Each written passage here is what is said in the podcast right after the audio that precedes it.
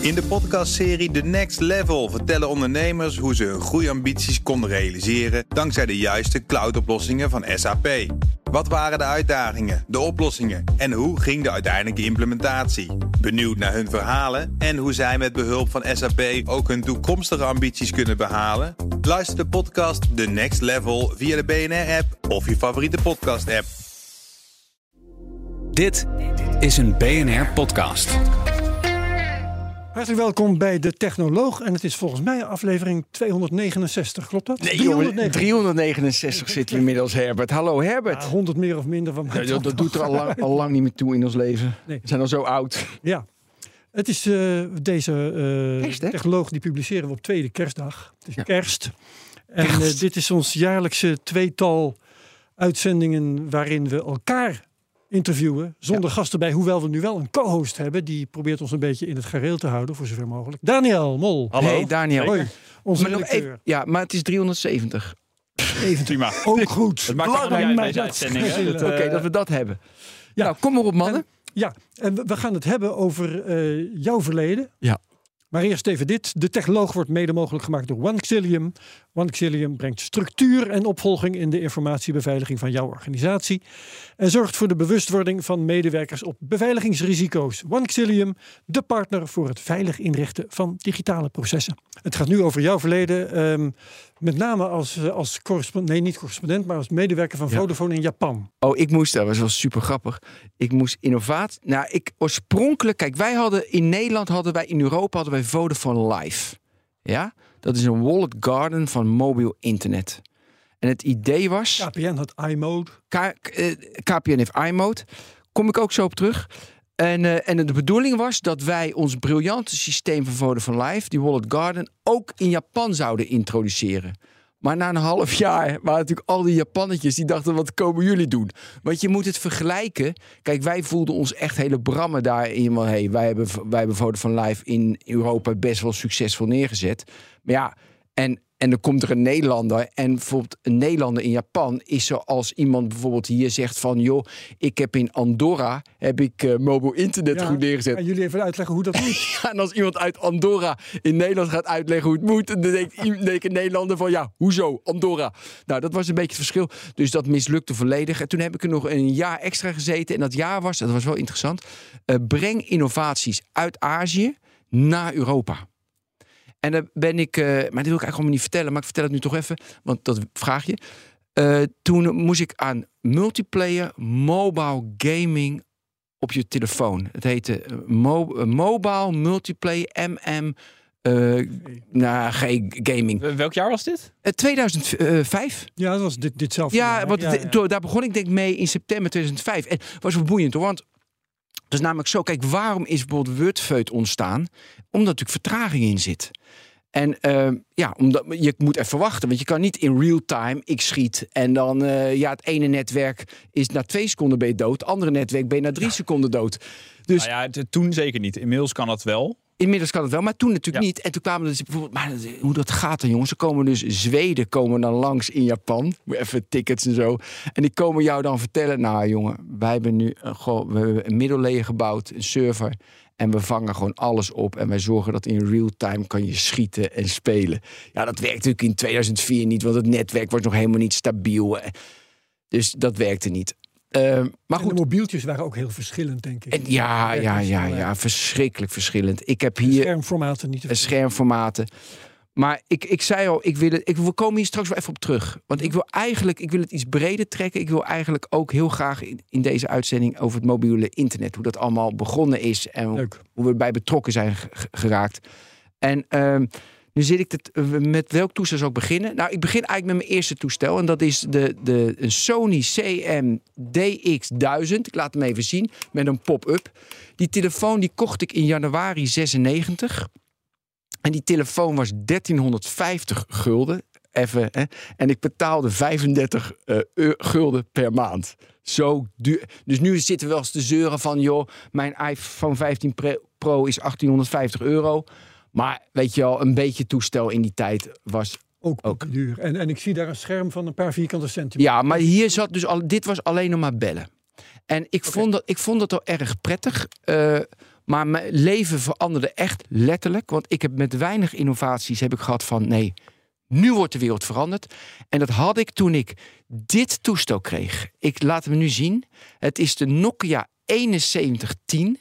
En dat is een zogenaamde WAP-telefoon. Lepje, oh, wap. Een, ja, dat, dat, Wireless Een klepje die je toetsenbord beschermt en die trek je zo af. En dan ja, heb je het klepje, ik zal het even laten horen. De klepje trek je naar beneden. En ehm, Nog nooit hadden onze luisteraars zoveel reden om naar de video te gaan. hè? Ja, dit, ja, we gaan van 180 views naar 181 views. Eh, Maar dit toestel, dat, ik, heb een paar toestellen in mijn leven die zijn echt, die zal ik nooit vergeten. Die zijn voor mij magisch. Dat heeft, dat heeft echt mijn leven bepaald. En ik, ik heb ze meegenomen, want Ik ook ben. oh nee, heb je ook mobiele toestellen? Wat ga ik ga een rilling nu. hè? Herbert, Herbert die trekt nu een tas eh ondersteboven Wat met een hele berg mobiele toestellen van waarschijnlijk- 25 jaar of zo. Herbert Blankenstein. Ik denk dat die stapel iets kleiner is dan die van Ben. Maar er zitten ook wel een paar leuke. Maar heb je ook echt een die je leven voor eeuwig veranderd heeft? De trio. De trio. Laat hem even zien aan de camera. Naar de camera daar. Heren. En waarom? trio van Paul. Ehm, hij benaderde het meest de BlackBerry, terwijl hij veel betaalbaarder was. Ik kon met een normaal abonnement kon ik daar gewoon eh, e-mailtjes op versturen en dat Ja. soort zaken.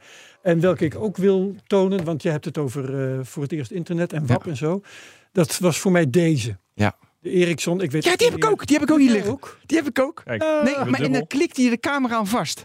Oh, dat, die, dat kan, maar die, die had Ja, eh, dus met, oh, daar heb ik ook een verhaal over met Londen. Dat, dat heb ik ook nog een verhaal over. Inderdaad, op het minuscule scherm Ja. kon je toch iets van eh, mail en zo. Ja. Eh, Me- Mail Oké, ontvangen. ja. Oké, dus we gaan even naar die 7110. Ehm het was in die tijd, weet je, ik had, ik had topsport gedaan en eh, ik, ik zat in de media, dat vond ik niet zo lekker. En toen moest toen, UMTS-frequenties gingen verkocht worden. En op UMTS was de grote belofte, wij krijgen plaatjes op je mobiel en misschien zelfs video. Een video, ja. Dat was, dat was de grote belofte. En omdat de video kwam, ik zat in de media, zo kwam ik bij Vodafone. En toen kreeg ik dit toestel, die 7110. En ik reisde iedere dag van Soest met de trein naar Stotendijk. En daar had ik op dat WAP-toestel eh, had ik eh, gewoon het ANP-nieuws. En ik was verslaafd aan het ANP-nieuws. en ik heb het weinig met innovaties gehad, maar dan, toen had ik direct van: dit gaat dit gaat echt, dit, dit is zo prettig, dit is zo fijn. Iedereen zat de spits en de metro te lezen en ik zat alleen maar op mijn toestel. En toen wist ik gewoon, dit is het. En dat was wel leuk. Voorbeeld voor de wereld. Voorbeeld van de wereld. En dat was wel leuk, want toen wij, ik maak even een hele sprong, maar straks ga ik weer terug naar 2004. Toen ik naar Japan ging, toen liep ik daar op straat en iedereen keek de hele dag in zijn telefoon.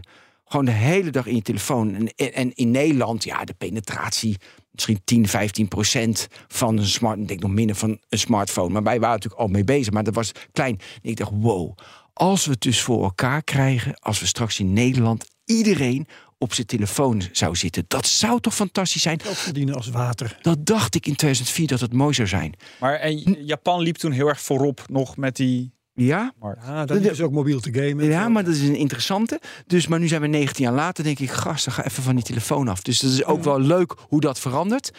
Nu terugkomen, ja, ik kan hier echt zes uur over vertellen, maar ik ga het niet doen, want dat mag niet. Ik heb maar een uur, dus ik moet heel snel. Nee, rustig. Oké, liepen ze voorop? Kijk, het grote verschil, en ik ga straks weer naar, 2000, naar het jaar 2000 hoor, maar even Japan weer. Fijn, dat vind ik leuk, dat he- heen en weer. Kijk, in Japan, wij hadden in Europa exact hetzelfde. Wij hadden het. Het grote verschil van Japan is, jij geeft ze een toestel. En ik pak nu even een Vodafone-toestel eh, NEC, die je kan. eh, oh nee, sorry, een Sharp. Ik dacht NEC was. Een Sharp, die je kan draaien en dan een heel groot scherm hebt. Groot voor die begrippen toen. Jij geeft een gemiddelde Japanner een nieuw toestel, een nieuwe telefoon of ook een spelcomputer, wat dan ook. En eh, zo des, nee. En ze gaan direct testen. Ze zijn helemaal, ze zien niks anders meer. Ze gaan direct spelen met dat toestel. Wat wij in Europa doen, je krijgt een toestel, we drukken die.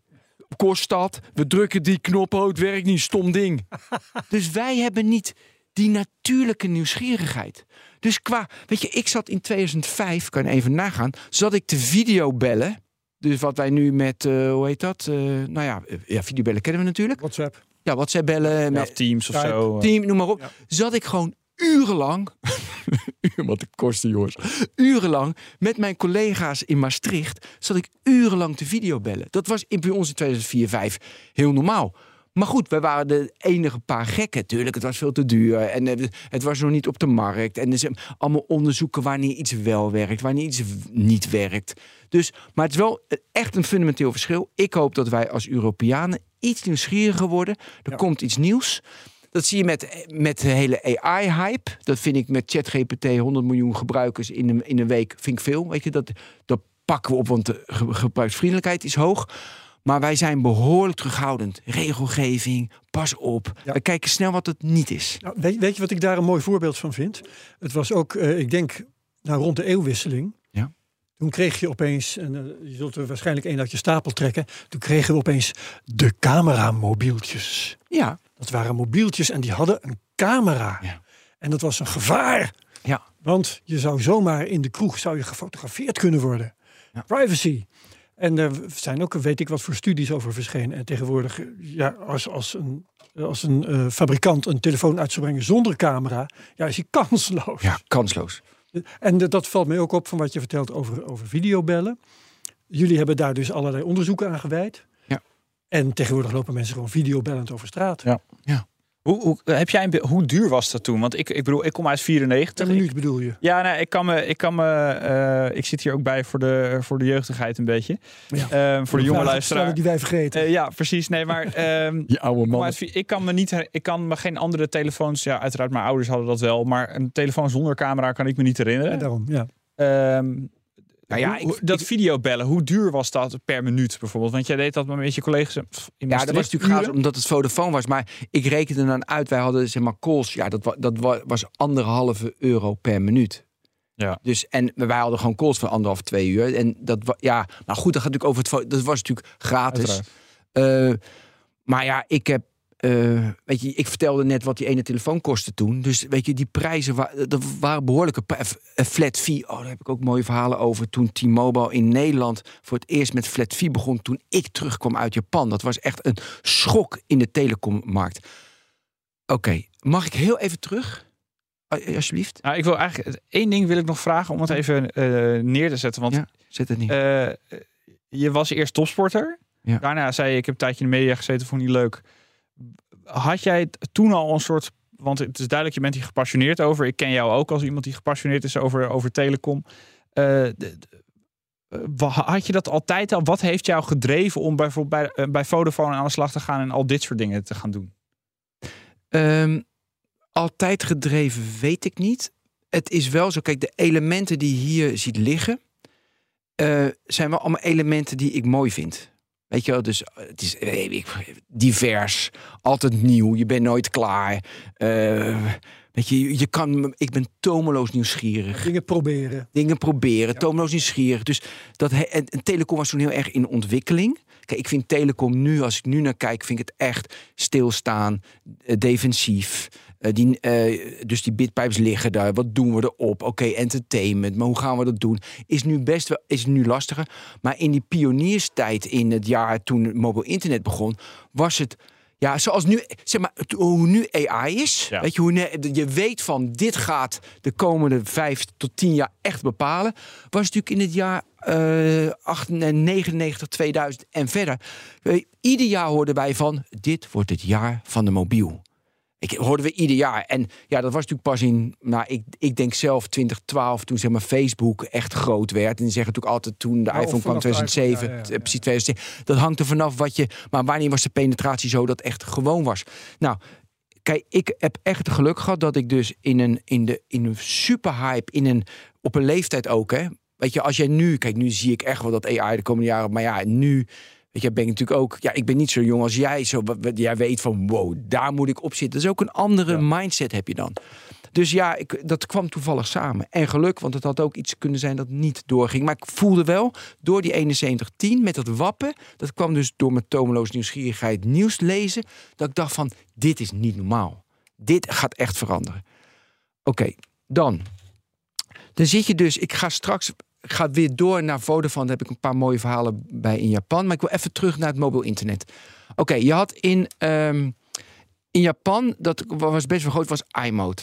En KPN had dat in Nederland best wel ja, snel overgenomen. En die liep eigenlijk voor. Snel wel, alleen het was geen succes. Nee, het was geen succes. En ik kan me nog goed eh, herinneren, even over Wallet Garden modellen.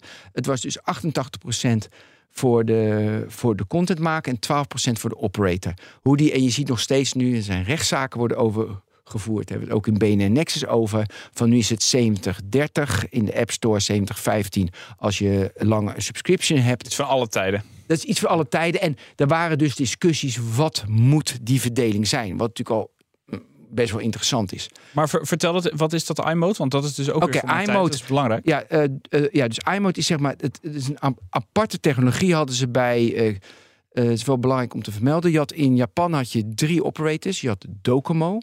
En die komen straks nog terug in een ander verhaal. Dat was zeg maar, dat kon je vergelijken met KPN. Dat was meer van de staat.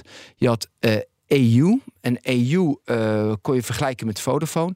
En je had J-Phone, dat, kon je, dat, was, dat was meer de Challenger. Die kon je vergelijken met T-Mobile. Een beetje, dat was de verhouding. En Docomo, eh, dus meer van de staat, die had dus iMode, was een aparte technologie, was niet de standaard technologie. En eh, dat was dus heel erg.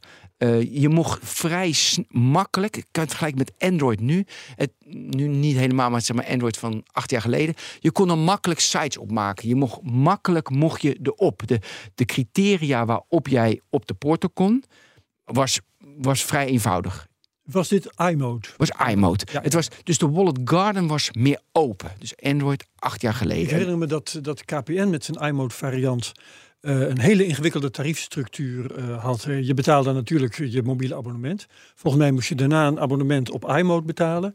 Eh, vervolgens betaalde je ook nog eens een keertje eh, als je je op een of andere nieuwstroom, ook? Ja, ik weet ook, ja. nieuwstroom abonneerde. En dan ook nog eens een keertje per bericht of per Ja. kilobyte, weet ik veel. De, de Ja. teller liep op drie, Ja. vier kanten tegelijk. Nou, Was dat bij, in Japan ook zo?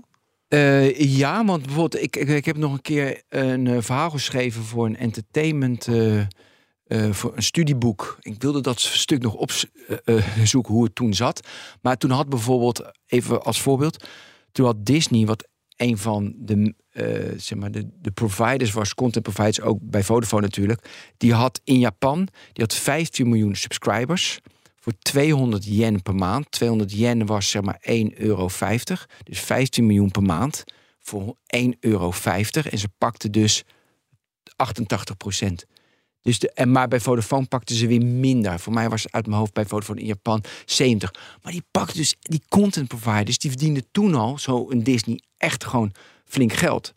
Eh, maar hoe het precies in Nederland zat met iMode, die, die prijsmodel ben ik vergeten. Ik weet wel, het was een zonnige eh, dag in, ik denk dat het 2002 was, in april. En eh iMode was gelanceerd. En eh, dan, zo simpel gaat het dan. Dan word je naar de, naar de KPN-winkel gestuurd en zeggen ze: Ben, koop jij even twee iMode-toestellen. Dus dan koop je twee iMode-toestellen met twee abonnementen. Ja, dan ga je dus uitgebreid testen wat ze allemaal erin doen. En dat moesten wij dus in Vodafone Live. Dat Heb moest, je dat iMode toestel hier ook? ja, dat is deze. De, dat is deze NEC N, eh, N2i is het. De, Ja. N2 de N21i natuurlijk, ja. En eh, Tuurlijk. eh, natuurlijk. Maar er zat nog eh, geen camera op. Dus het is meer dat je, je het nieuws mooier kan lezen. En je ringtoon. Ringtoons was toen populair. Hè? Dit, dit is grappig. Een euro per stuk geloof ik. Een euro per stuk. Dus kijk, mijn verantwoordelijkheid in Nederland was op een gegeven moment om content providers te krijgen. Ja, dus wij moesten met een groepje mensen content providers. En dan had je ook bijvoorbeeld, eh, dan had je ringtoons waren heel erg populair. En dan had je een jongen, hoe heet die ah, gast nou ook weer, dat weet ik niet meer. Maar die, die verkocht dan ringtoons. En dan kwam die bij ons. Ja, en er waren natuurlijk tien partijen die wel op de Vodafone Portal wilden. Ja, en, we- en de criteria was, ja, ben je een aardige jongen? En, eh, nou, en dan gaf je voor zo'n jongen geen cent. En dan was het eh, van, nou ja, kom, kom maar erop. Dan hebben wij ons target snel gehaald dat we weer een nieuwe ringtone provider hadden. En na drie jaar, weet je, verkocht hij zijn bedrijf voor 3,5 miljoen of zo. Dat soort dingen gebeurden. Die jongen van eh, Just Eat Takeaway, eh hoe heet die? Jesse Eh, Groen? oh, ja, ja, precies. Die was dus een van de eerste. Toen was hij denk ik 2021. Die kwam dus bij ons. Ik wil met thuisbezorgd wilde ik op, op mobiel internet. En wij, ja, zo pikkie dachten ja, gast, hoezo? Weet je, ja, hè? Nu heeft hij gewoon Just Eat Takeaway. Dat maakte mee. Erotainment is ook een mooi verhaal, Herbert. Oh, Iemand moet erotainment doen. En ja, dat wilde niemand doen. Dus eh, wij, nou, loten. Wie doet erotainment? Jullie raden het al. Ben verloren. Ben verloren. Dus ik dacht, joh, moet nou met die entertainment? Dus ik had drie criteria. Het moet een brand zijn. Nou, dus Playboy is makkelijk. Maar het moet een beetje normale gasten zijn. Weet je, dat je normaal, weet je, eh, ja. Geen En- cowboys. Ja, geen cowboys. gangsters. En het moet, eh, weet je, het moet er wel een beetje fatsoenlijk zijn. Nou, dus ik allemaal mensen uitnodigen. En toen was er één gast, die komt uit Soest, ik ook. En ik had zo'n leuk gesprek met hem. En eh, nou, ik gesprek met hem was top. En eh, ik denk, nou ja, ik zeg, jij wordt het. Dus, eh, dus, dus presentatie. Ik zeg, ja, hoe jij mag het doen. Heeft hij me, dus drie maanden later moest hij leveren. En hij leverde en alles was het. Zes maanden later zegt hij tegen me, Ben, toen ik bij jou de eerste keer zat, hè, ik had helemaal niks. Ik had gewoon plaatjes van het internet geplukt. En ik had dat in een PowerPoint gedaan. Ik had niks. Maar die jongen, ja, die heeft nu dus gewoon nog gewoon een miljoenenbedrijf. Hè. Dat is toch werelds? Heeft hij aan jou te danken. Die heeft, jij, jij heeft hem gekickstart. Ja, maar eh, dat is toch mooi dat hij alleen maar... blij- Maar het was een aardige gast en ik vertrouwde hem wel. Oh ja, dus, eh, nou, dat, dus toen moest je al die content providers, grote discussie inderdaad weer met die 70-30. Toen dachten we ook nog aan 60-40, maar dat kregen we er niet door. Eh, ze moesten ook nog aanpassingen maken aan hun, eh, eh, aan hun website. Want dan eh, hadden we dan heel makkelijk erg woord. Maar dat was natuurlijk lastig om te integreren op die site en, Ja. eh, ja, enzovoorts. Ehm, Maar toen, de- dat iMode, dat kwam naar Nederland. Ja. Eh, ik, ik ze hebben overigens een Tweakers artikel voor me dat het in 2007 is gestopt. Eh, oh, mooi. in 2004 hadden ze een miljoen klanten. eh, in 2007 was het klaar. Ehm, Dat valt me nog mee, dat miljoen. en jullie gingen dus eigenlijk voor een soort vliegende start. Eh, we moeten dit populair maken. Er moeten mensen zijn die content aanbieden op dit Ja. platform. Dus niet op het iMode-platform. Wij hadden Vodafone Live. Dus, Ja, precies. ja, precies. Dat was- nou, en Vodafone Niet Live compatibel. Dat was trouwens, eh, ik als journalist heb daar nog dingen over gezegd. Dat was buitengewoon onhandig. ja, was buitengewoon Want onhandig. dat kon niet met elkaar. Nee, Nee. als je bij Vodafone zat, dan kon je niet gebruik maken van de diensten die op iMode zaten. En eh, omgekeerd ook niet. En eh, voor zover de berichten via iMode gingen, kon, kon je dat ook niet aan elkaar. Nee, niet operabel. Niet. Maar goed, weet je, je hebt ook, eh, je hebt ook iOS en Android. Dus oh, prima. Oké, dus wij moesten dus, dat noemden wij dus Vodafone, het mobiele internet maken. En waarom maakte je dat Wallet Garden? Het was al zo ingewikkeld met zo'n klein schermpje om dat mensen überhaupt mobiel internet wilden gaan doen. Dat was al ingewikkeld. Dus als je het heel gestructureerd en makkelijk maakt, dan is de kans groot dat dat, dat uptake, dat mensen. meer controle over de kwaliteit. Had je meer zo. controle, kwaliteit, geen troep enzovoorts. Nog even één ding aardig over Aerotainment. De, de dag voor de lancering van UMTS, toen ging de CEO van Vodafone ging scrollen door de entertainment. En toen moest de hals over kop allemaal images af. Maar ja, dat is best wel lastig. Dan denk je, iedereen die paniek midden de nacht. Oké, dit tezijde. Oké, dit was allemaal als doel. Het is allemaal nog het, het, begin eh, van uiteindelijk de UMTS-launch. Dat was twee, tw- tw- 2002. Eh, dus zeg maar, mobiel internet was er al, maar er was geen UMTS. Was eh, met GDPR, weet je, 2G. En had je toestellen als, ik laat hem even zien. eh, toen was de eerste, oh ja, met een camera. Ik heb hier een Sony Ericsson, herinneren mensen natuurlijk wel. Daniel, eh, dat moest je, die heb Ja, jij ook, maar dan moest je dan, dat is een Ja. Nokia, Ja, de- jouw Ericsson, dan moest je ook een camera opklikken. Dus was het van testen van hele slechte foto's van, ga je ook foto's maken? En wat je al zei, Herbert, iedereen zei van, waarom zouden we foto's maken? Ehm, Oké, dus dat was allemaal de opmaat naar UMTS. En toen kregen wij, eh, toen moesten wij dus content moesten wij, eh, gaan leveren. En een van de content, en nu is mijn een van de mooiste verhalen vind ik in telecom ooit. Ik pak nu een Nokia 3650. En in de Nokia 3650 Schitterende telefoon. Zit er Het toetsenbord is fantastisch. het toetsenbord is rond. Ja. Ja, Voor de mensen, mensen moeten ook even opzoeken hoe dat eruit ziet. Het is bijna een draaischijftelefoon. Ja, het is een, ja, dat hebben ze een beetje nagedaan bij Nokia. Ja. Eh, en eh, daar zit een real player in. En eh, de oude onder ons die herkennen, real player was echt een van de players op het Audio internet. en video. Ja, audio en video. En eh, de snelheid was met 2G, met GDPR, was 21 kilobit per seconde. En ik heb het niet opgezocht, maar nu kan je natuurlijk gewoon livestreamen, 4K enzovoort. Het netwerk is echt nu fantastisch. Het netwerk was toen best wel een ding. Weet je, mensen kozen een, een operator ook op het netwerk. Dat stond vaak eh, in Nederland iets minder, maar ook in Japan was het ook heel slecht. Vaak wel op de nummer twee, soms één van welke operator ik kies. Nou, wij moesten, eh was mijn taak, dus content op die mobiel krijgen. En toen moesten wij de, het NOS-journaal. Dat was onwijs belangrijk dat NOS-journaal op de mobiel zou komen. Dus op een, eh, voor mij was het een donderdagochtend, moesten wij bewijzen aan de NOS dat de kwaliteit op een Nokia 3650 met 21 kilobit per seconde van het NOS-journaal puik was. Dat echt niets aan de hand was. Dat het netwerk goed was, dat er niks... Top.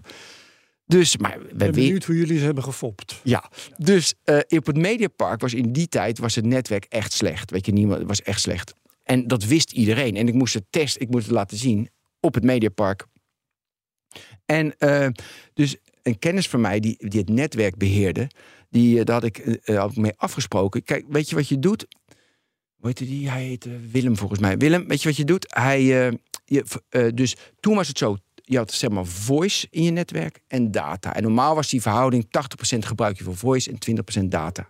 Maar ze konden dat switchen. Ze, ik- ze konden 100% voice doen, had je geen data meer, maar je kon ook dat, dat omswitchen. Dus ik bel Willem op, 5 voor 10. De, de, de demo begon 10 uur. Willem, nu. Willem heeft op dat moment heeft hij alle voice weggedaan. In Hilversum. Hij heeft data 100%. Heel Hilversum kon niet meer bellen. Kon niet meer bellen. kon niet meer bellen. Dat is toch wereld... Mensen, als je je nog afvraagt, wat was die storing toen? Dat was die Was storing. Ben. Dat was... Nou, maar dat Willem dat ook deed, is zo goed. Nou, dus wij lieten dat zien naar de NW. En het belang van het bedrijf. eh, hoe, precies, bedrijfsbelangen. Hoe kan dat nou? Dit is toch geweldig? Hoe is het mogelijk, jongens? Wat is dit een goede kwaliteit? Dit nemen we. dit nemen we, dit willen. Wij komen bij Vodafone Live. Nou, en om, eh, om, het, dus om vijf over elf, ik belde Willem op Willem. Het is oké. En nou, Willem alles weer omhoog. En alles was weer goed. Ja, maar ik vind dat soort dingen, dat dat kon. We zitten nu bij 5G, dat gaat over zeg maar gigabit per seconde. Ja. Hoe ver terug, eh, hoe, hoe heette het toen? Was het eh, wat, 2, 2G? Ja, het is Edge? 2G. Eh, ja, Edge, GPRS. eh, die Ja. kwam iets Ja, laat. het begon 2,5 met G. WAP, hè? Het begon met WAP, Wireless ja. Access Protocol. Ja. En daarna kwam eh, Edge en GP. Edge kwam daarna. Ja, Edge, maar voor mij dan was... GDPR was 1, eh, 2G. Ja, natuurlijk, want, want niks is 1G. Ja, precies. Ja. Ja, joh, ik weet was een bastaard, Edge was het eigenlijk ook. weet het. GDPR was dan... Ja, want ik kan me Nee, nog niet- herinneren als je... is niet de GDPR, want dat is de afkorting van AVG. GPRS. GPRS was het, ja. Ik zei dit ook fout. Ja, voor de duidelijkheid. Oh, jongens, Nee, wat maar een dat is de, tijd. de Edge, dat kan ik me ook nog herinneren. Dat is als je een eetje bij je Ja. signaal hebt staan in plaats van 4G, 5G, 3G. Ja. Dan dat, dat betekent echt heel slecht signaal. Ik kan me nog herinneren dat ik eh, een tijdje... Toen waren mijn ouders op vakantie, toen sliep ik in Eemnes. Nou, dat is ook weer in, midden in de polder. En daar had je ook Edge. Zo. Ja, dat was, dat was niet fraai. Dat kon je ook niet op eh, Twitter of zo, hoor. Dat, eh, nee. Maar dus ik wil die... even een verhaal vertellen naar aanleiding van dit, de- deze Ja. flessentrekkerij van jou. Ehm, dat- dat ken ik van iemand die bezig is geweest voor, eh, voor ING eh, in de automatisering. En die had meegewerkt aan het maken van de eerste pinautomaten. En die moesten gedemonstreerd worden. En toen eh, zou er, eh, de pinautomaat zou gedemonstreerd worden aan een of andere big shot. Ik weet niet of het de directeur was of misschien iemand van het Koninklijk Huis. Dat kan me niet schelen. Maar het moest gedemonstreerd worden. En je raadt het al, de pinautomaat werkte niet. En toen hebben ze dus die pinautomaat aan de achterkant opengeschroefd en er een vent in gezet met een stapel bankbiljetten. Wat een goed verhaal. Ja. En die heeft toen de knoppen werden ingedrukt, heeft die braaf die bankbiljetten naar buiten geschoven. Om te Echt laten goed. zien hoe makkelijk het was. Het was om te pinnen. 2002 trouwens, met, dat, eh, Goed. met deze anekdote. Ja. En, en, en even terug naar het Mediapark, Ja. Ben. Ja, de, je had de, boel eigenlijk een beetje geflasht met dat, met dat Nee, maar ik wist, we gaan in op 24 oktober 2002 gingen we live met UMTS. Dus ik wist, het wordt allemaal geupgrade. Ja, het was zelfs dat was in die- 300 zoveel kilobit per seconde, hè, denk ik. Ja, zoiets denk ik. Ja, ja, ja, precies Herbert. Ja, ja mooi. Eh, en, maar nu even, de, in die tijd was het ook zo. Ik moest die toestellen testen. Toen werd er gewoon, toen werd ik, waar de, eh, waar de 3G-masten gezet werden, werd gewoon bij mijn huis, daar zou er één komen. Dus ik bel die masten, die bepaalt waar de masten komen, die belde ik dan op. Hij zei, ja, ik zeg daar en daar. Hij zei, ja, maar die postcode is echt on- onwijs laat. Ik zei, ja, zet hem nou even helemaal als prio 1, want dan kan ik tenminste goed testen. Werd ik gewoon zo ging dat in die tijd. Dat is toch niet normaal hoe... Allemaal voor het goede doel, hè, jongens? Maar dat... Ongelooflijk. En, en, maar en even, de- de- waren zij overtuigd bij de NOS? De, zeiden ze, Ja. oké, meneer Van den Burg, Ja, dat, dat is. NOS-journaal gaan we doen. Ja, gaan we doen. En het is ook gebeurd. Ja, het is gebeurd. De, de, nou, toen was het één. Maar ook hoe best wel groot het toen was. Dat was ook verschrikkelijk grappig. Wie was dat nu? Toen, eh, toen hadden wij gegokt. Toen- Toen was er een... een ze gingen toen, dat weet jij misschien nog, Herbert. Ze gingen naar Mars. Er werden Marslanders gelanceerd. In die tijd, 2002 twee of drie. Dat is al wel, ja. En toen wilden we van PR, wilden we, eh, en, en ESA had een, had een Marslander en ook de, eh, hoe heet NASA dat? dat NASA ook. Ja. En toen hadden wij een deal met CNN en dat zou dan li- live, oh ja, zou CNN ook live gaan Weet je, om, om die, eh, en, eh, om die Marslanden. Nou, je raadt het dan, NASA, dat lukte allemaal. En wij hadden voor de ESA gekozen. En dat, weet je, dat- die, die stortte neer. En dat ging weer mis. maar voor pagina nieuws van de Telegraaf, dat soort dingen. Dat was toen best wel een ding van... Hey, Marslander of dat jullie dat deden? dat wij dat live, de, de, dat eh, op de mobiel live de Marslanding dan was. heb je het volgens mij over eh, Spirit and Opportunity heette die, eh, die missies. Gaaf. Oké, we moeten dus even naar oktober, 24 oktober, want daar heb ik Herbert ook ontmoet. Dat was de lancering van, UMTS. van UMTS. Eh, dan moet ik het Nederlandse toestel. Oh ja, dit is. eh, ik ga al verder. Dat is dit toestel. Dit is de Samsung mm, model, weet ik niet. Je ziet ook, dit zijn Vodafone gebrande toestellen. Ja, ja, ja. Dat- Logootje. Dat een telecom operator, dat is ook weg, hè? Ja, inderdaad. Ja. Het is ook interessant om te beseffen. Telecom operators, die, die hebben alleen het netwerk, die hebben geen telefoon. Dus eh, wij kregen er ook vaak heel snel de toestellen. En dan moesten wij dan testen. En dan gi- ging terug naar de, naar de manufact- naar eh, Samsung in dit geval. Fabrikant. Van joh, je moet dit veranderen, dit veranderen, dit veranderen. Ehm, Daar hadden jullie echt inspraak in. ja, ja, ja, Ik zeker. aan dat je nu Vodafone, KPN, T-Mobile, krijgt die, gewoon een toestel. die, ja, de iPhone wordt gewoon geleverd en eh, daar hebben ze het maar mee te doen. Interessant, hè? En wat aardig is met die camera, die, hier zit al een camera op. Eh, die kan je dus naar je, die kan je draaien naar voren. Je hebt niet een front camera en een back camera. Nee, je draait de camera naar voren. En Ja, die- met een het fysiek wieltje. draait die camera. Ja, binnen het toestel. En eh, wat ook interessant is, moest je natuurlijk allemaal use cases. Moest je, en die kennen jullie wel van die oude filmpjes. Dat, dat je elkaar tegenkomt, wat nu allemaal werkelijkheid is. Dat je Ja. eh, Find My hebt en zo. Maar toen moesten we dat ook verzinnen. En de use case die we alleen maar konden verzinnen, was toen al in die tijd in Korea. Die waren natuurlijk ook weer gebruikten het meer. Van blinde mensen die dan inderdaad met die camera nergens tegenop liepen. Want dan konden ze. eh want er vertelde iemand of ze links of rechts moesten eh, lopen. Oh, iemand op afstand kon Ja, dan ja, ja. in de begeleiding. Iemand, ja, ja, dus en die case die zie je weinig meer, maar dat werd er altijd genoemd hoe handig dat is. Want ja, je moet, je, je, moet, je moet casussen verzinnen, anders gebeurt er helemaal niks mee. Ehm, We waren bij de lancering van UMTS. ja, dus dat was op een, ja, dat is dan een groot feest en heel belangrijk. Want even voor de duidelijkheid, dat is, volgens mij was dat, als ik de Wikipedia-pagina moet geloven, de eerste, de eerste soort primitieve vorm van 3G, hè? oh ja, nee, dat was 3G. Ja, klopt. Ja, precies. is 3G. Ja, oké. En je moet het een beetje zien dat. eh, De eerste keer dat beweerd werd, nu krijg je echt perfecte video op je mobieltje. Ja, voornamelijk als je- wel, eh, images. eh, bij 4G natuurlijk eh, was het natuurlijk vi- echt video. En bij 5G, ja, dat is IoT en dat is het Ja. de hele wereld. Maar bij 3G samen. werd al gezegd hoor. Dat werd gezegd, maar dat, we wisten allemaal dat is lastig.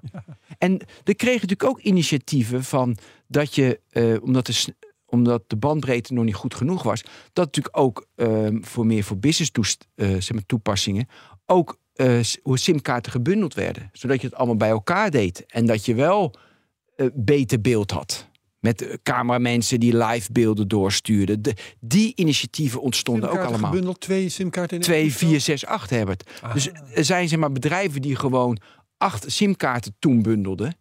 En, dan, eh, en nu doen ze vaak nog twee 5G-kaarten dat je redundant bent. En dan kan je live, eh, heb je wel een hele, een hele brede bitpipe. Waardoor je hoge kwaliteit hebt. Dus dat ontstond ook wel om te omzeilen dat de snelheid nog niet helemaal top was. Ja. Maar het ging er toen natuurlijk om, Daniel, om de markt warm te maken. Van hoe krijg je het nou voor elkaar? Omdat mensen wel een UMTS-toestel nemen en video's gaan bekijken. Ja. En nou, dat was dus wat ik net al zei. Met heel erg met, met games. Dus en je had toen met Symbian Games. eh, had je gewoon een app store. Daar kon je voornamelijk plaatjes downloaden, wallpapers, ringtones, ringbacktones. Als je iemand belde dat, er, dat je een muziekje hoorde of een persoonlijk ingesproken bericht. Waar gewoon, eh, zoals je nu hel- eh, helden hebt. Ehm, nee, je hebt nu beroemde mensen die dan een persoonlijke video voor jou inspreken. BN'ers. En, maar toen had je ook, deed het ook al, maar dat was dan je ringtoon. Hey Ben, en, en dat zei dan Adam Curry. Hey Ben, je telefoon gaat nu. Ringbacktones heette dat. Vreselijk, echt. Vreselijk. Hey, eh, maar dat was dus allemaal ongeveer rond de 2 euro. Hè? Dat, dat was Ja. echt duur. Gewoon een plaatje op je telefoon betaalden mensen gewoon 1,50 euro voor. Niet veel mensen, maar het werd verkocht. Dat was best wel klein. Even over rechten. eh, het is misschien ook interessant. Toen moest ik op een gegeven moment onderhandelen over de voetbalrechten op je mobiele telefoon. Want het idee was, als jij de voetbalrechten hebt, net zoals nu, Nou, als je die hebt, dan gaan mensen massaal je telefoon gebruiken en kopen ook. Dus, dus ga je een toestel, ga je een device kopen als er goede content is. En daarom vind ik nu zo interessant met alle rechtszaken met Fortnite. Weet je, koop je met, uh, dus met GTA 6 koop je dan een nieuwe console, ja of nee? Nou, Ja. Daniel is hier de expert in en die zegt ja. Mensen kopen voor GTA 6, kopen ze een nieuwe console. In die tijd was dat dus niet zo. Nee, het was voor de, voor, niet voor het eerst dat er een kip-ei kwestie was. Ja. Hè? Je wilt die content hebben, Ja. eh, anders dan, eh, dan eh, neemt niemand het toestel. Maar er moeten veel toestellen zijn, anders gaat niemand die content. Ja, bijvoorbeeld één voorbeeld voor het WK voetbal 2006. De mobiele rechten, even nu een quiz. Wat denken jullie dat er betaald is voor de mobiele rechten voor het WK 2006 voetbal? Dus dat is de allerbeste content die je maar kan verzinnen. Jij? Ja, ik zat eigenlijk veel hoger, maar eh, de, de- ja, zou het een miljoen dan? Een miljoen. Ja. ja. En de uptake, helemaal niks. Nee, maar achteraf dan zou je alsnog denken van ja, dat is, het is geen snars. Nee, maar kijk, kijk hoeveel, hoeveel toestellen waren er Ja, toen? precies. Maar goed, je had toen natuurlijk wel te maken met Chris Woerts, die eh, directeur was bij eh, commercieel directeur Bij Feyenoord. Inderdaad, Ja. bij Feyenoord. En die keek naar de bedragen in Engeland, wat eigenlijk precies hetzelfde. Ja. En die zat dan van, ja, dat moet 18 miljoen. eh. Ja, maar Chris, er zijn 100.000, ik noem maar wat een getal. Er zijn hon- 100.000 toestellen in de markt. Dat is 18 miljoen, delen 100. wa- Ik bedoel, gast, kom op. Nee, maar is marketing voor jullie enzovoort. Weet je, totaal way off. Dus niet het grote belang zien van, hey, hoe mooi is het als de hele wereld met elkaar kan kan, communiceren en mooie content tot zich kan nemen en bij elkaar komt. Nee, weer alleen maar die dollars in zijn ogen. Ja, dat neem ik Chris Woers nog steeds kwalijk. Nee. Ja, precies. We bellen hem even. We. Chris, kom er maar bij. Nee, oké, het is Maar, dus... en had je, had je dan niet het idee, Ben, want we, hebben, we zitten nu in 2004. Ja. Eh, het duurt eigenlijk nog nou, zeker vijf jaar tot de iPhone een beetje gemeengoed begint te worden. Smartphones, Ja. mensen daarvoor hadden natuurlijk wel nog 20 Blackberries. minuten. Ja, precies. Oh. Ehm, maar hadden jullie niet het idee van, joh, hey, we zijn een beetje vroeg. Eh, die telefoon die jij in je handen hebt, ja, als ik dat nu zie, dan denk ik, ja, wat, wat, moet je in godsnaam met mobiel internet eh, daar? Nou ja, Nou, dat is wel aardig. Er zijn natuurlijk allemaal elementen waardoor wel die hockeystick ineens gaat. En het was Ja. dus inderdaad de iPhone, dat was zeg maar de vormfactor. Dat is ook interessant, hè? want ik heb hier Nokia's, de Ladyphone heb ik li- liggen van mijn dochter. Ik heb, ik, ik heb heel, de vormfactor was niet bepaald. Weet je, de, met, een, eh, met een keyboard heb ik ook Blackberry ook nog, hè? de BlackBerry. Ik heb daar ook, daar moet ik er zo'n verhaal over vertellen. Maar ik heb ook de iPhone eh, 4 liggen. Ik heb niet de 3GS. Die heb ik niet. De 3 was denk ik de eerste die echt een beetje... Ja, maar de, de allereerste iPhone niet. Nee, want, nee, die, want die was niet zo goed. Maar de tweede was wel goed. Die had een uptake. En de, vanaf dien is de vormfactor ja, groter geworden. En een groter scherm. Maar de vormfactor is nu bepaald. Punt. Dus dat werkt mee. Overigens door eh, Samsung hè, met de Galaxy Note. Die heeft eh, meer invloed gehad op, Ja? op eh, de iPhone zoals die eruit ziet dan ja, ja, ja, want waren bij Apple willen toegeven. Klopt, waren allemaal IP, waren allemaal intellectual property rechtszaken in het begin, toch?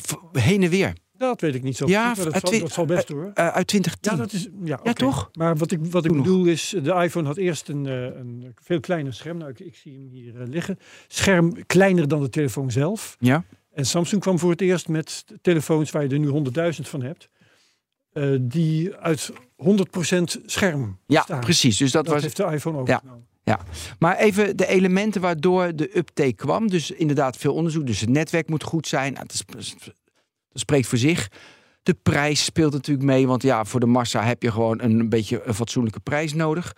Eh, het content kwam altijd laat. Maar je ziet nu, nu de vormfactor, de gebruiksvriendelijkheid, de prijs, alles klopt. Gaat nu dus content pas spelen. Dus dat komt later. Maar toen, ja, er waren ook gewoon veel minder toestellen. Eh, het was te duur, mensen waren niet mee bekend. Het was te veel gedoe, het was te moeilijk.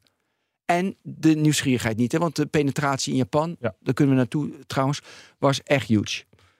Ehm, Oké, je had net over de iPhone. Dan wil ik even één verhaal vertellen over de iPhone die ik onwijs grappig vind. Ik heb hier de Nokia E61i. Dat was dus echt 2007 8 toestel.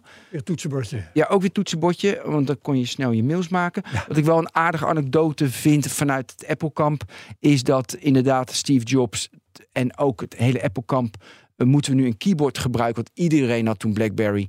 of moeten we touch hebben. Ja. En deden ze heel veel onderzoek, heel veel onderzoek. En daar kwam echt uit, jongens, keyboard, keyboard, kies voor keyboard. En uiteindelijk kozen ze voor een touchscreen. En dat is nu de vormfactor geworden. Dus dat is aardig. Ja, omdat ze die, die touchscreens waren gewoon niet goed genoeg, hè? Tot ze Toen uiteindelijk... in het begin en daarom was en nu zijn ze natuurlijk wel goed. Eh, ik wil nu, misschien kan het wel, het allerbeste telecomverhaal vertellen dat er ooit is Dat net ontstaan. ook al. Daar komt hij, dames en heren. Nee, maar nu komt hij. Ja. Oké, Japan. Ik vertelde net KDDI, een soort, ehm, een soort KPN, EU. En je had Docomo. Trouwens, EU is laat EU geworden. heette toen je had Docomo, KDDI, EU. Dat is hetzelfde. Dat werd later EU. Ik moet heel goed zijn. En J-Phone. Oké, J-Phone was de derde operator. J-Phone was slecht. En Vodafone kocht J-Phone. Want Vodafone wilde in, in Japan, Global Company, wilde daar ook een, een, een positie hebben. En J-Phone, dat lukte voor geen meter. En een collega van mij, die werkte bij J-Phone... en die kwam toen bij Vodafone te werken, was een collega van mij. En op een gegeven moment zegt hij tegen mij... en ik vind het echt tof verhaal dit. Hij zegt, ben, weet je eigenlijk hoe die, eh, hoe die camera op die eh, telefoon is gekomen? Want Sidestep, J-Phone was de allereerste operator in de wereld... in 98 met een camera. Dus het was niet eh Docomo, het was niet iMode, het was, het was J-Phone. Die had een, een, een telefoon gemaakt met een camera. Ik zeg, ik heb geen idee. Hij zegt, nou, dat was best wel apart hoe dat ging. Hij zegt, we zaten met z'n allen in, met de executive, met de, met de, de slimme koppen, zaten we in een kamer. En, we, we liet, dus- en onze cijfers werden gezien en echt, we bleven achter in groei. We bleven achter, en heel veel churn hadden we in, in telecom heel erg belangrijk. Verloop onder de... Ja, verloop onder abonnees. Onze ARPU was verreweg het minste. En we waren wel best wel van, wat moeten we nu? Wat moeten we nu? En toen, kwam, toen stond iemand op, was een beetje een brainstorm... en die zei van, joh, weet je wat we zouden kunnen doen? We zouden, we zouden een camera in een, in een telefoon kunnen bouwen. Gek. En iedereen had echt van, gast, weet je, waar ben jij mee? Weet je, waarom? En, eh, en eh, iedereen dacht, dat slaat helemaal nergens. Maar hij had wat onderzoek gedaan en hij zei van, eh, joh, ik, weet je, er zijn, die camera's zijn best wel klein tegenwoordig en je kan ze, nou, je kan ze krijgen. En volgens mij passen ze in een toestel. En, en iedereen was zo hopeloos en ze dachten, ja, joh, we gaan er maar, we, we, we, we gaan er, Om er vanaf te zijn. we gaan er iets mee doen. Dus toen was zeg maar de telefoonmaker, die moest gaan onderzoeken. Ja, past dat wel in de vormfactor weer? Past dat wel in een toestel, een camera? En eh, er was één onderzoek en een ander onderzoek moest onderzoeken. Joh, die business case, hoeveel, weet je, hoeveel duurder wordt zo'n telefoon? Nou, zo'n cameraatje was toen ja, 50 dollar. Dus die telefoons werden te duur. Dus het was onmogelijk om een competitive pricing naar de consument te doen. Dus dat kon ook niet. En dan moest de marketeer, die moest gaan onderzoeken van... joh, weet je, zitten mensen op een camera te wachten? Nou, zo makkelijk, nee. Eh, dus heel niet eh, het ding. was de supply chain guru, die moest gaan van... ja, je moet minimaal een batch telefoons opnieuw in de markt... om ook marketingactiviteiten... moet minimaal uit 10.000 nieuwe telefoons zijn. Maar de supply chain guru, die zegt... ja, ik kan maar 5000 krijgen. Dus alles was negatief. Echt, eh, het sloeg helemaal alles negatief. Maar ja, ze waren hopeloos. Ze zeiden, ja, we doen het maar. Dan maar 5000 toestellen. Dat is toch ongelooflijk? Ja. En zo, natuurlijk, En was dat ding toen ook meteen een succes? dat, dat was vrij. Dus mensen hadden van: hé, hey, hier zit iets in. Weet je, dus. En datzelfde toen ik met Wappen kom ik weer even terug. Je hebt van: hé, hey, dit, dit. Je voelt soms bij een innovatie of bij iets anders. Dit, Dit kan dit kan moeten we verder brengen. Nou, en wat er dan gebeurt, weet je wel, dit, eh, telecombedrijven zijn vaak wel machtig. Dan ga je dus tegen die, die cameramaker zeggen van, hé hey, gast, weet je wel, nu ga je de 10.000 maken. Alle andere camera's, allemaal onzin, 10.000 maken. Nu zeg je in marketing spend, hé, hey, we gaan hem enzovoorts. Maar dit is dus echt, ik vind het heel grappig, want het is echt een andere tijd. Dat, dat je als telecomprovider. Bepaald. Ja, en, Wat en- voor toestel ja. er komt. Ja, en dat Ja. je dus ook gewoon een camera los erbij gaat maken op toestellen die je zelf niet maakt, volgens mij. Klopt. Is echt Was het een losse camera? Nee, het was, wel, nee, het was een camera in een toestel. Oh, oké. Ja. Ja, ja. Het was een. Het was een eh, nee, maar dat was ook weer het merk. Het merk was ook weer J-Phone. Dus net zoals ik net zei, toen hadden Vodafone telecom operators. Ja, dus Ja. het was weer branded van de operator. Maar ze bepalen dus, bouw nu een camera in. En dan zegt de manufacturer zegt natuurlijk, ja, nee, dat kan niet. Kan, je, kan je je vinger erop leggen wanneer dat is veranderd? Want we, praten nu dus over een tijd dat telecomproviders echt wat, nou ja, oneerbiedig gezegd, toen hadden ze wat toe te voegen. Nu zijn ze gewoon een soort eh, infrastructuur waar we gewoon eh, een soort abonnement op hebben en eigenlijk niet meer naar omkijken. Het is er gewoon. Ja. Eh, Ja, het is gewoon ik. ook gemeengoed. Ja. Wanneer is dat veranderd? Dat is veranderd eigenlijk door de. Ja, dat klinkt lullig door Apple. Dat is niet lullig, maar door Apple. Kijk, want Apple toen die met de iPhone kwam, was het alleen maar met AT&T. En zij bepaalde echt, weet je, Apple was, dat was ook een, omdat AT&T ook in Amerika toen iets minder ging. Toen ging Apple bijna de voorwaarden bepalen van waarop dat toestel mocht worden verkocht. En dat was ongehoord in de telecommarkt. Maar AT&T, ze hadden het moeilijk, eh, ten opzichte van, van Verizon natuurlijk. En eh, daardoor gaven ze toe dat Apple de voorwaarden bepaalde. Ah, en toen gingen ze steeds meer de macht verliezen. Kijk, je weet, Daniel, daar hebben wij het ook vaak over. eh, kijk, de macht uiteindelijk zit altijd van wie heeft dat contact met die klant? Weet je, wat, waar heeft de klant iedere dag contact mee?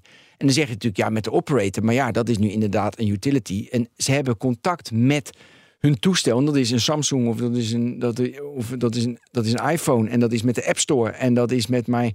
eh, of met Microsoft als ik mail met mijn 365 ab, weet je, abonnement met Teams. Daar zit de macht. En het is heel moeilijk in de, eh, in de keten om. Ja, als je een utility bent, is die macht gewoon lastiger. Dus ik denk dat Apple daar een belangrijke rol in heeft gespeeld. En misschien hadden de operators achteraf gezien. Kijk, operators, hè, dat. Ik, nu is het denk ik nog steeds zo. Dat zijn eigenlijk. Het interesseert ze eigenlijk helemaal niet zoveel. Het zijn geen telecom operators, het zijn financiële instellingen. Want de basis van een operator is 100 miljoen of 200 miljoen of 300 miljoen of 4 miljoen gebruikers die gemiddeld 30 euro betalen. Dan heb je per maand heel veel geld. En met heel veel geld, als je dat gewoon in die cashflow binnenhaalt, moet je hele slimme dingen doen met je geld. En als je daar hele slimme dingen mee doet, dan ben je heel goed. Dus dat ze ook nog een, een, een netwerk hebben. Shit, ik wil die 30 euro ARPU, weet je, average revenue per user, wil ik per maand hebben. En omdat ze zo, dat dat het standaard businessmodel is, ja, dat, dat- dan krijg je het natuurlijk lastig. Want dan heb je geen edit. Ja, Ja. die 30, die, die staat steeds meer onder druk. Maar ehm, waar ik dan langzamerhand wel eens een verhaal van jou over wil horen. Want je zegt maar, die, die eh, telecoms eh, zijn, eh, zijn utilities geworden en zo. Hè? Dat vonden ze zelf in die tijd in elk geval nog niet. Want ze waren druk met, eh, met content bezig. Ja. En ze waren druk met weer, toestellen bezig. Ehm, en ze zijn natuurlijk ook op een gegeven moment bezig geweest. En nu nog trouwens met het leveren van eh, televisie. Ja, precies. Entertainment zeggen. Ja, Ja, dus nu weer. allerlei andere added dingen. value een Ja, beetje. ja, het verkopen proberen ze. sportevenementen. Ja. En Joost nog weten wat allemaal. Ehm, wanneer is die slinger weer teruggedraaid? Dat ze toch weer meer eh, die utility zijn geworden die ze nu zijn? Nou, kijk, ik, kijk, ze proberen al. Ze proberen zolang telecom eigenlijk bestaat. Nou ja, vanaf 2000 proberen ze niet alleen een utility te zijn. Ja. En ze doen allemaal, eh, allemaal pogingen. En eh, weet je, AT&T kocht BN'ers inhuren. BN'ers inhuren. Eh AT&T kocht Warner, weet je hebben ze weer afgestoten in. Amerika. In 2016 weer afgestoten, want de cultuur bij een telecom is anders. Eh, om even terug te gaan, jij vroeg helemaal in het begin, hoe kom je nou in die telecom terecht? Kijk, ik maak heel vaak die vergelijking met een driehoek. En dan heb je aan de, aan de ene kant van de driehoek heb je telecom. Aan de andere kant heb je bijvoorbeeld media. Aan de andere kant heb je tech, onze internettijd. En als je dat heel grof karakteriseert, is telecom, is business case doorrekenen, is een, eh, vroeger een pak, nu niet meer hoor, maar vroeger een pak zonder stropdas, is echt business. Onderzoek doen. Weet je, want er gaat heel veel, heel veel cash doorheen. Dus je kan, eh, je kan ook ge- geld betalen voor onderzoek. Gaaf. Eh, internet, eh, nee, nee, is media. Media is heel erg onderbuikgevoel. Ja, ik vind het wel leuk en ik vind het mooi. En er is heel veel passie zit erbij. En, Jongeren vinden het prachtig. een jongen en, pra- en we, we doen maar wat. Dus een andere cultuur, want ik net met telecom.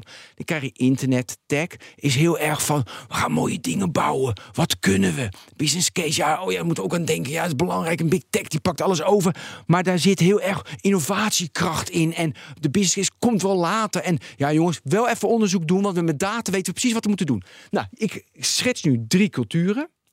En je moet natuurlijk ergens in het midden uitkomen, snap ik ook. Maar telecom heeft dus heel veel moeite met die media en met die internet. Want dat zit niet in het kern-DNA van ze. En daar lopen ze constant tegenop. En jij vroeg van wanneer is dat omgedraaid? Nou, ze proberen het nog steeds. En, maar kijk, waarom denk je dat telecom operators nu eh, entertainment of content willen doen? Dat, dat willen ze niet omdat ze denken dat ze geld gaan verdienen met content entertainment. Nee, dus alleen maar, want ja, daar verdien je niet zoveel mee, want die rechten zijn veel te duur met sport. En, eh, en die producties zijn veel te duur. Is maar één reden om die klant te behouden, om die 30 euro te behouden, zodat ze die 30 euro keer eh, zoveel miljoen enzovoort. Maar ja, er zit dan natuurlijk, de groei is dan natuurlijk beperkt. En je, je ziet ook dat, dat vind ik dan altijd fascinerend, dat je al die technologische revoluties, want ik bedoel dat de UMTS en zo, dat zijn natuurlijk echt wel revoluties geweest. Ja. Dat is toch allemaal, dat is allemaal bekostigd eigenlijk met de vorige revolutie. Hè? Want ik heb het idee, daar is enorm veel geld verdiend in die tijd bij, door Telecom. Je ziet nu nog steeds, ik zit even het grafiekje van AT&T te kijken, die beurskoers doet gereed, maar ze keren wel 7% dividend uit. weet je precies, wel? heel goed, heel goed. Ja, ja, ja. Er Ja. is eigenlijk te veel geld en ze krijgen het niet op. Ehm, en nu zie je dat bijvoorbeeld ook met het, met het aanleggen van glasvezel. Weet je wat het is? Dat, is dat een beetje. Ik, ik, ik, ik weet eigenlijk niet wat ik wil vragen, maar is dat. Nee, maar die analyse, ik denk Ja. dat. Ja, nou, kijk, het is natuurlijk wat je zegt, zeg maar even voor het gemak hebben ze een marge van eh, tussen de 40, 45 en 55 procent. Ik noemde net 30 euro even ARPU, Ja. maar dat kan van alles zijn. Eh, dan heb je zoveel gebruikers. In Nederland groei moeilijk. En dan heb je dat geld. En wat doe je dan met dat geld? Waar zit de groei? Ja. Ja, extreem verzadigde markt. want Niemand. extreem verzadigd. En dan zeg je natuurlijk van, hé, hey, eh, inderdaad, want kijk, ehm, nu, je moet nu, nu natuurlijk bezig zijn met de 5G, met die 3500 megahertz Ja. kopen, wa- zodat we ook mobiel ook weer meer snelheid hebben. Dat zou mooi zijn. Dan vraagt natuurlijk alle critici, ja, wat gaan we daar dan allemaal mee doen? Precies. En dan is de discussie altijd, wat heb je eerst? Heb je eerst het netwerk en dan bouw je services komen vanzelf? Of moet je eerst verzinnen welke services? Maar dit is, dit is heel grappig, want dit, dit herhaalt zich iedere keer. Dit is gewoon eigenlijk alsof ik ben op het Mediapark zie zitten bij de NOS. Ja, maar daarom. Ja. Dus daarom moet je. Kijk, daarom ben ik ook niet zo voor dat die frequenties voor te veel geld wordt verkocht. En toen kun je zeggen, jij natuurlijk als, eh, als criticaster, ze moeten minder marge, weet je, dat ze hebben genoeg. Dan denk je, joh, prima, dat zijn ze gewend, die marge mogen ze. Nee, ik vind we moeten als samenleving wel 5G, straks 6G stimuleren. Want als je het stimuleert, daar komen weer nieuwe services op. Services waar de samenleving eh, blijer, gelukkiger, inclusiever, duurzaam enzovoort van wordt. Dus ik, ik vind dat juist moet wel gebeuren. Maar is er nog wel dan genoeg innovatie? Want ik, ik, ik zou wel willen zeggen, zeg maar, de, de sprong tussen 3G en 4G, dat die is groter dan de sprong tussen 4G en 5G. Zeker dat 5G wat wij hier in Nederland hebben. Ja. Op een gegeven moment is die rekker natuurlijk uit en zullen de, de telecomproviders ook minder. Ik bedoel, worden steeds, in mijn optiek worden het steeds minder belangrijke bedrijven. Als je ziet eh, hoe wij, hoe vaak we het over telecom hebben in de technoloog, hoe vaak we het in digitaal over telecom hebben. Nooit. Bijna nooit. Het is Nee, omdat eigenlijk saai. ja, saai omdat de verdieping lastig te moeilijk te, eh, te maken is, want het Ja, is maar en inderdaad de niet. innovatie is weg, voor mijn gevoel. Je hebt de, de wet, volgens mij de wet van de verminderde meeropbrengst. Je Ja. kunt eh, met elke toename van de snelheid vermindert het aantal nieuwe dingen dat je daarmee kunt doen. Naar mijn Ja. idee. Nou ja, wat je ook ziet, want ik zie nu al die toestellen hier liggen en inderdaad allemaal verschillende toestellen, zoals ladyphones maakten ze apart met clamshells en daar vind ik het heel leuk dat je nu weer een Fold hebt van Samsung. Weet je, dat komt dan ook weer terug, maar dat is, het is vrij, is dat uitontwikkeld. Dus je ontwikkeling zit natuurlijk niet meer van iedereen heeft nu een mobiel. Die ontwikkel, ontwikkeling zit natuurlijk nu op andere gebieden. En dan ga je natuurlijk snel naar, eh, weet je, virtual reality en dan ga je snel naar AI en dan ga je naar dat soort elementen. Maar hier moeten we het niet in zoeken. En dan, eh, ja, dan moet je het inderdaad. Maar even nu, hè. Je bent een telecom operator. En je weet, je weet met VR, en daar kan je kritisch over zijn. Maar dat, dat in mijn grote bril iets zit van een camera. En ik kan direct zien wat er is. Of ik, ik ga, een spelletje spelen met me. Dat, dat komt iets. Dus ja, daar heb je een snel netwerk voor nodig. Dus het is helemaal niet zo gek om daarin te investeren. En daarmee kan je wel weer je er komen we weer, hoog houden. En ik vind het heel terecht dat je 30 euro betaalt. En ik betaal nu 27 euro, geloof ik, onbeperkt. Je, abonnement kan ik zoveel data, nou 10 gig maximaal per dag, maar dat verbruik je niet meer. Wauw, niet. Nee. Nee, precies. Dus weet je, da- ik zie daar onwijs veel mogelijkheden. Alleen we moeten, we hebben ook te weinig, vind ik wel, we maken het ook te makkelijk. Te makkelijk in de zin van netwerk, snelheid, dat het stabiel is, dat het altijd doet. Ja, jongens, hey, de- ik- Ja, wat, dit Heel veel groeien daardoor. Wat maken we te makkelijk voor wie? we maken het. Eh, we praten er te makkelijk over dat we zeggen: ja, dat is een utility. Water komt uit de kraan. Mhm. Ja, we zetten een knop om en we hebben licht. Ja, we, we, we, we drukken op een knop en we kunnen zien eh, op je mobiel of je een nieuwe mail hebt. Dat, weet je, daar is. Nou ja, dat doe je te makkelijk. Want daardoor hebben we wel een samenleving die functioneert. En dat is dus een belangrijke functie. Ja, Alleen jij als investeerder zit natuurlijk van... shit, waar zit de groei? Nee, maar het voelt nu net alsof het. Ik bedoel, er zijn natuurlijk tal van industrieën die deze eh, Curve. curve hebben doorgemaakt. Dus eh, laten we zeggen, de auto-industrie is ook. Ja, er komt ieder jaar wel een nieuwe soort auto uit. Eh, als we het over, weet ik, voor Ford hebben, die brengt eens in de zoveel tijd een nieuwe auto uit. En die is dan iets bijzonderder Ja, dan de vorige. je zegt, ja. Alleen de innovatie, dat wij allemaal staan te juichen aan de zijlijn, die is nu weg. En dat doen wij nu voor OpenAI. Ja, dat is een mooie. Maar dat is gaaf dit. Neem even de auto-industrie, weet je, de vormfactor en hoe rijden ze. Maar toen kwam er ineens elektrisch rijden. Toen Ja. kwam er ineens steeds meer autonoom rijden. Dus er ontstonden in de auto-industrie ontstonden ineens innovatie dat je dacht van, hé, hey, Auto's als rijdende computers. we moeten er iets mee. Nou, en ehm, ik, ik we- weet zeker in de, minder snel met water en elektriciteit, want dat vind ik echt uitontwikkeld. Maar als je kijkt naar snelheid van en stabiliteit en veiligheid van netwerken, ik denk dat we daar nog niet klaar mee zijn. Dus er komen innovaties waardoor ze veiliger, goedkoper, eh, stabieler, nou, noem alle elementen die je moet hebben. Eh, Ja. die, die- daar voor- alleen al, ik noemde even VR in real time, dat je een 3D-animatie krijgt. eh, of zelfs een video in real life. Ik denk dat daar een rol in is weggelegd. Waardoor je weer van hey, dat netwerk upgrade moet worden. Ik denk trouwens dat eh, beheerders van eh, waterleidingen en eh elektriciteitsnetwerken... dat die het niet met jou eens zullen zijn dat ze uitontwikkeld zijn. Ja, maar Nee, maar ik, zei, ik wil wel het verschil dan maken. Dat is denk ja, ik met dat- smart grid en zo, met elektriciteit heb je wel. Natuurlijk, maar, met batterijen. ja, dat- het verschil tussen zeg maar, innovatie en revolutie is denk Ja. ik wel eh, makkelijk te maken. Dat, Jawel. kijk, de, de elektrificatie van een auto is natuurlijk een revolutie. En we moeten Ja. zien hoe, hoe belangrijk dat gaat zijn. Dat weten we nu misschien helemaal nog niet. Denk het wel. Maar eh, en als jij zegt, ja, het netwerk moet stabieler en beter. En eh, er moet ook in EMS je- beter bereik zijn. Dat vind ik innovatie. Maar de, de echte revolutie. Ik ben heel benieuwd of Ik- jij nog een revolutie voor telecom ziet. Voor, zo, voor zulke bedrijven. Voor de AT&T's, voor de KPN's. Voor de... Nee, ik zie, ik zie nu niet. Ik zie alleen maar de veiligheid, secure, weet je, redundant, weet je, dat je al die elementen privacy allemaal goed. Nee, maar ik wil even dit noemen.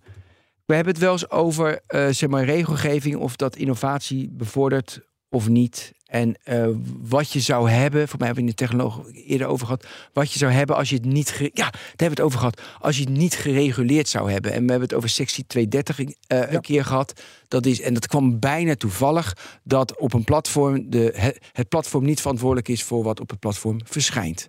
En wij hebben ook zo'n soort regel in Europa. Dus een belangrijke regel. Dat zit in het. Dat is een, dat is een regelgeving op het internet. Ehm, kijk, telecom operators, die is best wel apart. Dat is dus gereguleerd dat zij niets met de data in het netwerk mogen. Alleen als de politie zegt, nu moeten we erin. Maar ze mogen er niks mee. Dat is gewoon een regelgeving. En dat heeft al zijn redenen. Ik denk terecht dat ze dat niet mogen. Met het Ja. uploadfilter is dat trouwens wel weer veranderd. Hè? Dus hoe bedoel je dat? Nou, dat eh, eh, om auteursrechtelijke redenen dat ze moeten opletten wat er. eh, Ja, precies. Ja, precies. Pirate Bay, eh, zeg maar die. Maar ze mogen niet, ja, ze mogen niet precies weten, zoals Apple en, eh, eh, eh, en Google, ja, noem maar, maar op, hoe- hoe Meta dat wel mogen. Dat heeft ook beperkt in groeimogelijkheden. Want kijk, als jij een, een eh, zeg maar, in de maintain, kijk, je bouwt iets en dan maintain, dan beheer je het en dan ga je het met data, ga je het optimaliseren. Je gaat het veranderen. Ja.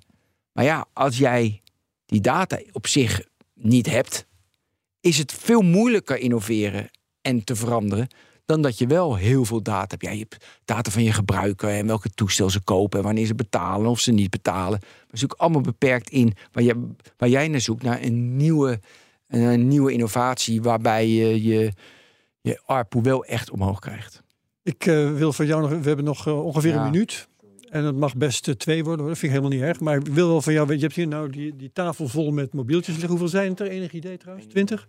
Maakt niet uit. Ook ik heb ook nog een Windows Phone hier liggen. Oh, ook nog. Van Nokia. Nokia Lumia? Ja? dat ze verloren, dat is ook zo interessant. Dat is heel grappig. Ik had een, eh, een van mijn beste vrienden die was helemaal, die was Nee, helemaal obsessed door eh, Windows Phone. En dat zou het beste operating system ooit worden. En ik moet zeggen, dat zag er best aardig uit. Ze, Ja. ze, de, be- bedoel, het was ook de begintijd. Ik ben nog op de presentatie geweest in Londen. Ja? Ja, ja, ja. Ah. Maar goed, het is niet dat- geworden. Nee, was het waar niet. Eh, je, je zei net, eh, er komt nog wel een keer iets in mijn bril. Hè? Dat, dat eh, Nou ja, heb ik je horen zeggen. Ehm, dus we hebben Google Glass. eh, we hebben de, wat pas een van de AI-speld die je op kon prikken. Ja, We de Humane Pin. je meent Ja, en we hebben natuurlijk de, VR de Ray-Ban-bril. Oculus eh, Ja. Quest en zo. Apple eh, Vision Pro niet te Die vergeten. komt in januari. Wat ligt er over tien jaar op deze tafel? Leuke vraag. Eh, ik, wilde, ik wilde al mijn Google Glass meenemen, maar ik moest het tot 2007 doen. Maar we zijn ook een ook beetje. thuis liggen. Ja, en ik wilde mijn Quest 2 natuurlijk meenemen. En ik Ja. wilde al die kartonnen doosjes meenemen. Die, ja, ja, ja, waar je gewoon een telefoon in kon laten. Ja, precies, ja. Briljant. ja, er zullen inderdaad dus die, de, de demo-versie van Oculus Rift, eh, die heb ik niet liggen, maar die is natuurlijk bekend.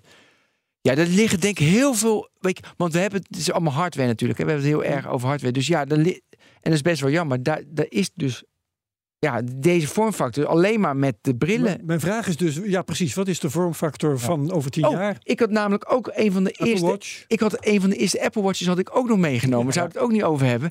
Dus ja, dat Ja, maar zijn dat is dus wel de vraag. Hè. Wordt die watch de standaard? Of wordt een bril de standaard? Of wordt zo'n speld de standaard? Ja, want voorlopig lijkt eigenlijk niks het echt door Ik te denk- breken. voorlopig Die kan Apple niks op goed, tegen- maar het is Nee. niet, het is Nee. niet geworden wat Ik, het... ik denk dat De, de, de phablet. de tablet. Ik denk dat het mens zo in elkaar zit dat er voor heel veel doeleinden wil je gewoon een scherm. Heel veel doeleinden. Maar er zijn doeleinden waarbij je je scherm niet nodig hebt. Dan kan je gewoon in je oortje praten. En dan is het zoals de film Heur. Ja. Er zijn doeleinden als je gaat hardlopen. Dat je aan je, aan, je aan je Apple Watch voldoende hebt. Dus het hangt van. En dat is wel leuk. Want alles doen we nu in die ene iPhone 15 Pro. Daar doen we eigenlijk alles in. Maar ik denk, en je ziet al door die Apple Watch eh, straks dat oortje of die Vision Pro, dat je toch even of een Oculus, weet je, kwestie speelt je game niet hierop, maar je gaat die game ergens anders op spelen. We gaan weer differ- differentiëren met bepaalde taken, dat we ook weer andere devices krijgen. Weet je nog die leuke filmpjes dat we, eh, weet je, had je een telraam en je had een, eh, een kopieermachine en dat zit nu allemaal, alles zit in, Ja. alleen in je telefoon. Ja, ja, ja, ja. Je ziet, het zou wel grappig zijn als we over 20, 30 jaar voor specifieke doeleinden, dat we een beetje uit elkaar worden getrokken, dat we weer allemaal type devices hebben. Want wij zijn ook mensen, we houden natuurlijk ook zit in, on- in onze biologie van, van, van kraaltjes en spiegeltjes, dat we dingetjes hebben. Dat we, kijk, ik vind het fijn, en jullie voor mij ook, ik, ook als ik bij jou kijk, om al die dingen in ons handen te hebben. Dus dat we helemaal clean zijn en dan een heel klein oortje alleen. Nee, dat vinden we Ik toch heb jammer. pas nog weer een eh, nieuwe digitale camera gekocht. Ja, precies, ja. Ja, Ja, en, Waarom en eigenlijk? trouwens ook eh, nog weer een... eh, wanneer heb ik die gekocht? Weet ik niet meer. Maar ik heb een- ook een aparte GoPro bijvoorbeeld. Ja, Zo precies. handig als je video wilt opnemen. Zie je specifieke doeleinden, pak je andere, dan- ja, dan pak je andere devices. Oké. Maar goed. Goh jongens, wat was dit leuk Ja. om te doen, zeg, om dit een keer te mogen zullen we vertellen. nog even nu doorgaan? Wat, Ik- wat heb jij een avonturen beleefd, Ben? En Ja. ik vind het, ik, die telecom operators, dat vind ik fascinerende, fascinerende- bedrijven. Ja, maar joh, eh, heel onze sector in, in wat, we, wat ik zei, telecom, internet, tech, eh, dat is Volgend fascinerend. jaar over wat je nu doet. Mooi. Goed. Ben van den Burg. Dankjewel Herbert Blankenstein en eh, Daniel. Dank. Technoloog 370, als ik goed ben ingelicht. Ja, je bent goed ingelicht. Allemaal bedankt. Ook wie geluisterd heeft, wie het tot hier heeft, hier heeft volgehouden, hartelijk dank. En tot de volgende week bij de Technoloog. Dag.